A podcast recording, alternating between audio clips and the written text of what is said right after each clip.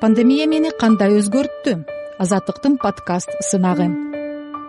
Саламатсыздарбы азаттыктын угармандары. Пандемия боюнча мен дагы өз оюмду бөлүшүп кетүүнү туура көрдүм. Пандемия мени эмнеге үйрөттү? Эмнеге э, көп ойлондурду? Ушул эки суроону мен дагы өзүмө берип көрдүм.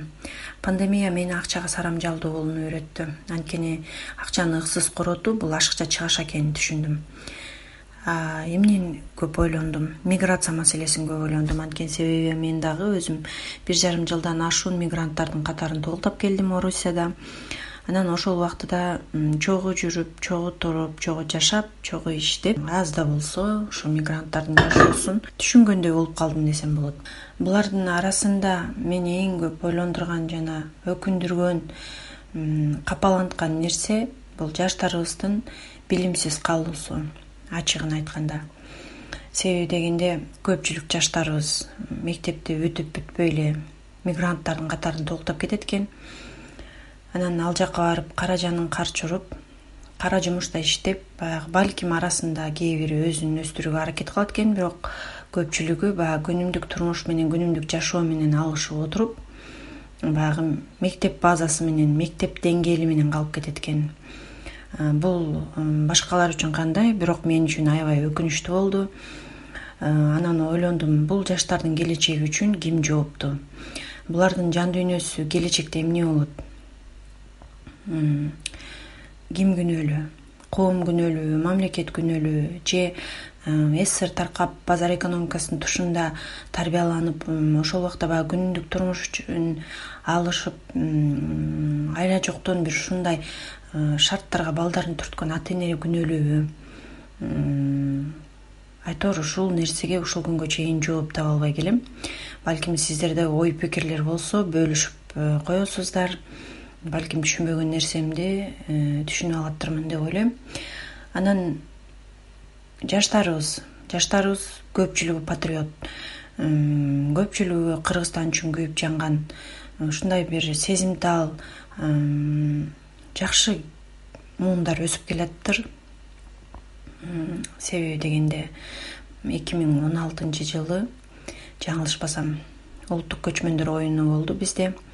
Мына ошону чогуу батирде жашаган баарыбыз отуруп алып онлайн көрдүк. Ошол онлайн көрүп отурган убакта жаштарыбыз ушунчалык баягы көчмөндөр оюнунда болуп жаткан ар бир нерсени кубануу менен кабыл алып толкундашып айрымдары көздөрүнөн жаш алган учурлар болду. Себеби дегенде баягы ошол оюндагы декорацияны парадты улакты э, айтор биздин баягы өзүбүзгө тиешелүү көптөгөн нерселерди көрүп кубанып сүйүнүп отурушту анан ушул нерсени көрүп отуруп мен ойлондум. Балким ушул балдарыбыз э, кыргызстанда жумуш орто болсо жакшы шарттар түзүлсө ушул балдар окуп билим алса келечекте э, кыргызстандын бурчун тарткан жакшы бир жаштар э, жакшы бир профессор жакшы бир доктор жакшы бир аалым айтор ушул илим жаатындагы билим жаатындагы жакшы бир келечек ээлери чыкмак. Бирок э, тилекке каршы андай болбой калды. Азыр көпчүлүгү эле мигрант болуп жүрүшөт келишет келгенден кийин акчаларын коротушуп кайра барышат кайра келишет. Ушинтип жүрүп айтор убактысы дагы жашы дагы өтүп атат. Булардын келечеги эмне болот эми? Булардын келечеги үчүн ким жоопту ушул боюнча калып кетеби. Булардын балдарынын келечеги кандай болот? Жаранды калып ошол тарапта калып кетсе кыргызстан деле бир топ жакшы адамдарынан жакшы муундардан жакшы патриоттордон жакшы инсандардан айрылып жатат го деген ой келип кетти. Айтор балким келечекте дагы жакшы бир убактар болор жакшы бир күндөр болор. Жакшы нерседен үмүт үзгүм келбейт азыркы угуп жаткан э, ата энелердин баарынан суранат элем балким сиздердин убагыңыздарда бир э, жашоо шарт ошондой болуп калган.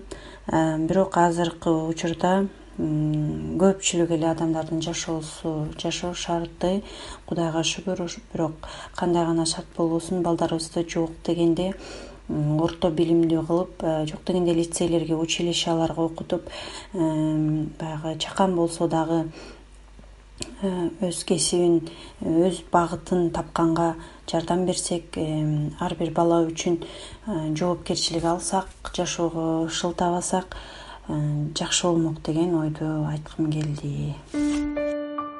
Пандемия мени кандай өзгөрттү? Азаттыктын подкаст сынагы